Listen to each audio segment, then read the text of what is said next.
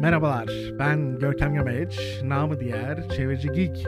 Bugün günlerden Salı, tarih 19 Ekim 2021. 2021 yılının 42. haftasındayız. Umarım bu hafta sizin için harika bir hafta olur. Şimdi gelin beraber bu haftanın öne çıkan ve iklim kriziyle südevi yaşama dokunan haberlerine bir göz atalım.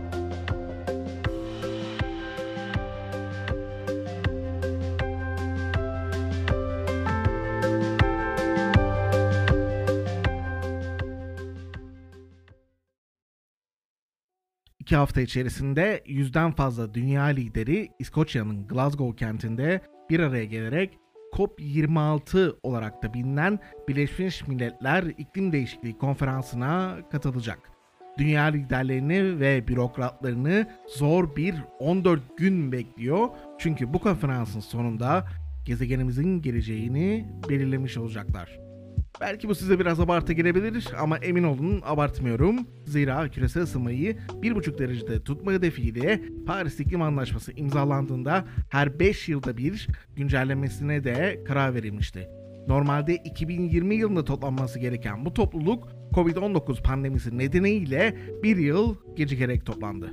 Bu yüzden Glasgow'daki bu konferans tüm dünya için önümüzdeki 5 yılın yani geleceğimizin iklim politikasını ve bir nevi iklim krizinin boyutunu şekillendiren bir toplantı olacak dediğimizde durumun önemi aşikar. Bununla beraber Paris Anlaşması'nın ilk 5 yılının bize çok umut vermediğinin de altını çizelim. Bu ülkelerin kömürden çıkış takvimlerini belirlemeleri takdirle karşılanırken hedefimizden oldukça uzağız.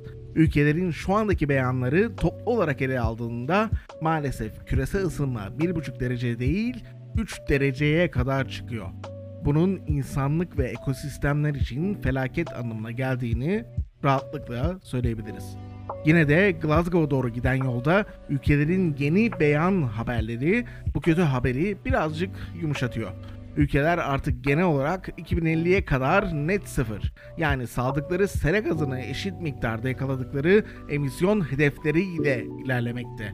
Buna ek olarak ABD, Birleşik Krallık, AB, Japonya ve Kanada gibi ülkeler 2030 yılı içinde hedeflerini güncellendirmiş durumda. Bu gibi de hedefler sadece diğer ülkeler için değil, ekonomik pazarlar için güçlü mesajlar vermekte. Böylelikle hem hükümetlerin hem de özel yatırımların çevreci teknolojilere yatırımı artmakta, bu teknolojiler daha ulaşılabilir ve rekabet edebilir hale gelmekte. Yine de ülkelerin hedefleri ile Paris Anlaşması'nın hedefleri arasında ciddi bir açık bulunmakta. Uzmanlar bu açığı 1,5 derece hedefi için kapatacak son şansımız olarak işte bu konferansı göstermekte. Hedefleri arasındaki açığı kapatması gereken bir diğer ülke de Türkiye. 6 yıl boyunca Paris Anlaşması'nı imzalamayarak uluslararası iklim politikalarını dışarıdan izleyen Türkiye, Glasgow'a biraz geriden gelmekte hatta hedeflerde geriye gitmekte. Paris Anlaşması kapsamında Türkiye'nin ulusal niyet beyanı yani hedefi emisyonların 2030 yılında 929 milyon tona kadar çıkmasına izin veriyor. 2019 verilerine göre Türkiye'nin toplam sera gazı emisyonu 506 milyon ton karbondioksit eşdeğeri. Bu Türkiye'nin 2030 yılına kadar emisyonlarını azaltmanın yanı sıra tam tersine 423 milyon ton yani %80 oranında artırması demek. Türkiye'nin COP26'ya kadar bu hedefini güncellemesi bekleniyor. Çünkü bu hedefin Paris Anlaşması'nın hedefiyle arasındaki açık uçurum derecesindeki büyük. Bununla beraber Türkiye bu yakın süreçte 2053'e kadar net sıfır hedefi de beyan etmiş durumda. Ekosfer Derneği net sıfır özelinde düşündüğümüzde Türkiye'nin niyet beyanının güncellemesi gerektiğini yoksa net sıfır hedefinin birkaç yıl içerisinde net hayale dönüşebileceğini belirtiyor. Ekosfer Derneği 2019 sonunda Türkiye'nin sera gazını atmosferden çeken yutak kapasitesinin 84 milyon ton olduğuna dikkat çekiyor. Böylelikle yutakları ile beraber Türkiye'nin net emisyonu 422 milyon ton oluyor. Dernek Türkiye'nin 2053'te yutak kapasitesini 100 milyon tona çıkarabileceği kabul edilse bile önümüzdeki 30 yılda Türkiye'nin 400 milyon tondan fazla emisyon azaltımı yapmak zorunda kalacağının da altını çiziyor. Ekosfer Derneği Yönetim Kurulu üyesi Özgür Gürbüz, Türkiye'nin 2053 hedefi ciddiye al- alacaksak vakit geçirmeden kömürden çıkış takvimini belirlemeli, kara ve hava yoluna dayalı ulaşım politikalarına son vermeli, nükleer enerjiye harcanan kaynakları yenebilir enerji ve enerji verimine aktarmalıyız yorumunu yapıyor. Özgür Gürbüz'ün de belirttiği üzere Türkiye'nin Paris sonrası atması gereken adımlardan bir diğeri de fosil yakıtlara finansal yardımları kademeli olarak azaltması ve çevre dostu enerji teknolojilerine ve enerji kaynaklarına yönlendirmesi. Bununla beraber Türkiye'de Covid-19 pandemisi başından beridir fosil yakıtlara yönelik desteği hız kesmeden devam etmekte. Gezegen 24'ün derlediği içeriğe göre ülkelerin fosil yakıtlara olan bağımlılığı izlemek için oluşturulan Energy Policy Tracker yani enerji politikaları izleme aracı 2020 Ocak ayından sonra fosil ve yenilenebilir enerjiye olan yatırımlarda makasın en açık olduğu ülkelerden biri olarak Türkiye'yi gösteriyor. Uzmanlar denetimsiz ve düzensiz enerji yatırımlarının bu trendi körüklediğini altını çizerken, ülkenin yenilenebilir enerjiye olan yatırımlarının ağırlıklı olarak hidroelektrik santrallerine dayandığını ve bu yapının artık sürdürülebilir olmadığını da belirtiyor. Türkiye'nin pandeminin ilk günlerinden 1 Eylül 2021'e kadar fosil yakıtları desteklemek için ayırdığı bütçe yaklaşık 14,09 milyar dolar. Yenilenebilir enerjiye ayrılan bütçe ise sadece 71,26 milyon dolar. Bu fosil yakıtlara taahhüt edilen desteğin yenilenebilir enerji için ayrılan bütçe ile karşılaştığında yaklaşık 200 katı olduğu anlamına geliyor. Energy Policy Tracker için Türkiye'de enerji ve iklim ekonomisi verilerini derleyen Sürdürülebilir Ekonomi ve Finans Araştırma Derneği'nin yani SEFYA'nın kurucusu Bengisu Özenç'e göre fosil yakıta değişiklikler devam ettiği sürece düşük karbon ekonomisine geçmek mümkün değil.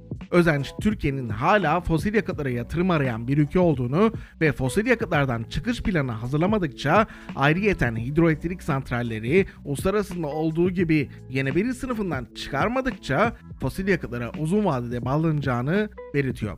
Özenç, Türkiye'nin enerji verimliliği projelerinde ele alarak 30-40 yıllık projeksiyonlar ile beraber yeni bir enerji politikası yaratması gerektiğini belirtiyor. Çünkü Özenç'e göre bütün yatırımlar gelecekte ne olacağı düşünülmeden yapılıyor. Maalesef Türkiye'nin iklim krizine karşı doğru bir politika izlediğini söylemek mümkün değil. Bu seride ele aldığımız konulara bakacak olursak, Türkiye'nin şu andaki uluslararası beyanı sera gazı artışına, fosil yakıtlara finansal desteği uzun vadede bağımlılığa, kömürden çıkış takviminin eksikliği ekonomik sorunlara, adil dönüşüm politikasının eksikliği ise sosyal sorunlara yol açabilecek kapasiteye sahip. Dünya, Glasgow sonrası karar verilecek yeni politikaları ile uluslararası düzeyde fosil yakıtların gücünü kaybettiği yeni bir düzene hazırlanıyor. Türkiye'nin bahsettiğimiz bu adımlardaki eksikliği Paris Anlaşması'nı meclisten geçirmenin tek başına bir başarı olmadığını kanıtlıyor. Atılacak adımlar belli. Elimizde hem teknolojik hem de finansal kaynak da var. Yani çevredeki bültenlerinde sürekli dediğimiz gibi eksik olan tek şey politik irade.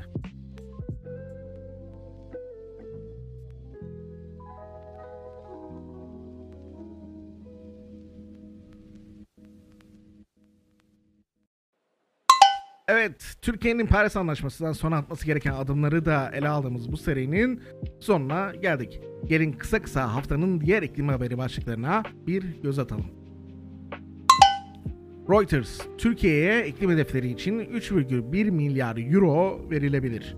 Reuters'ın haberine göre Birleşmiş Milletler İklim Değişikliği Konferansı öncesinde Türkiye'nin Birleşmiş Milletler Sözleşmesi'nde gelişmiş ülke statüsü değişmeden para yardımı alabileceğini ifade etti. Plana göre yardımın 2 milyar euroluk kısmı Dünya Bankası, yaklaşık 1 milyar euroluk kısmı ise Fransa ve 200 milyon eurodan fazlası da Almanya tarafından karşılanacak. Ayrıca Avrupa İmar ve Kalkınma Bankası ile Dünya Bankası'nın özel sektör yatırım kolu olan Uluslararası Finans Kurumu'nun da Türkiye'de özel sektörü yeşil enerji desteklemek için müdahil olduğu belirtiliyor.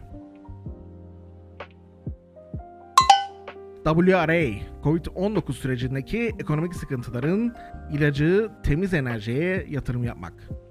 Dünya Kaynakları Enstitüsü'nün yani WRA'in hazırladığı rapor, temiz enerjiye yatırım yapmanın COVID-19 salgını yüzünden yavaşlayan ekonomiler için canlanma imkanı sağlayacağı ve fosil yakıtlardan daha fazla istihdam yaratacağını öne sürüyor.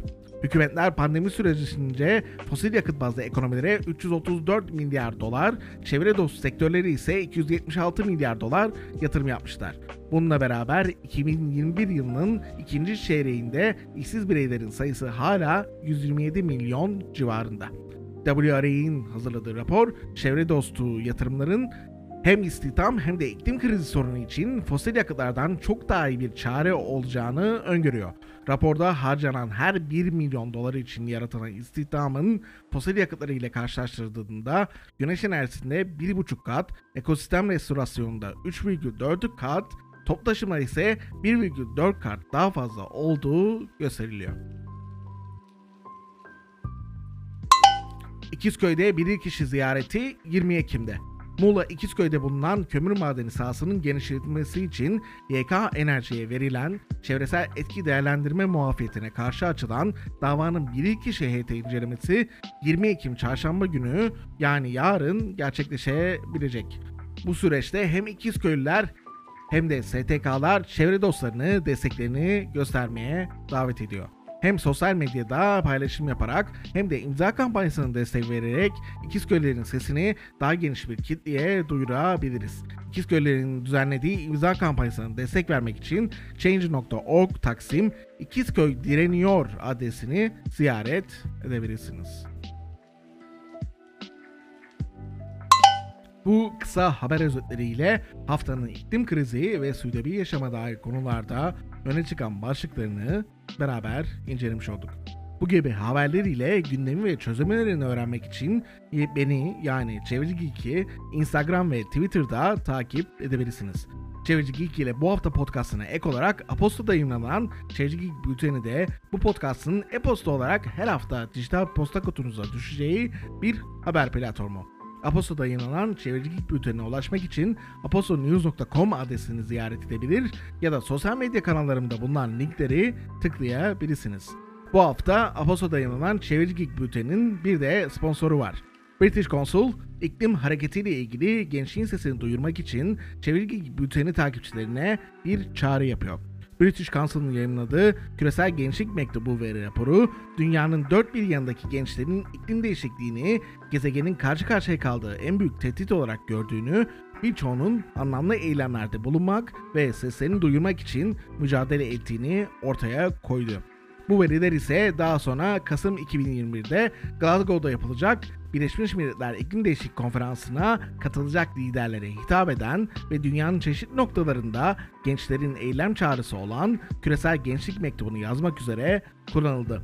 Gençlerin sesine kulak vermek için Küresel Gençlik Mektubu'nu Çevreci Geek Aposto Bülteni üzerinden okuyabilir, gençliğin sesini daha iyi duyulmasını sağlamak amacıyla gerçekleştiren bu kampanyaya sen de destek verebilirsin. Daha iyi bir gelecek için kendinize ve çevrenize çok iyi bakın. Sevgiler.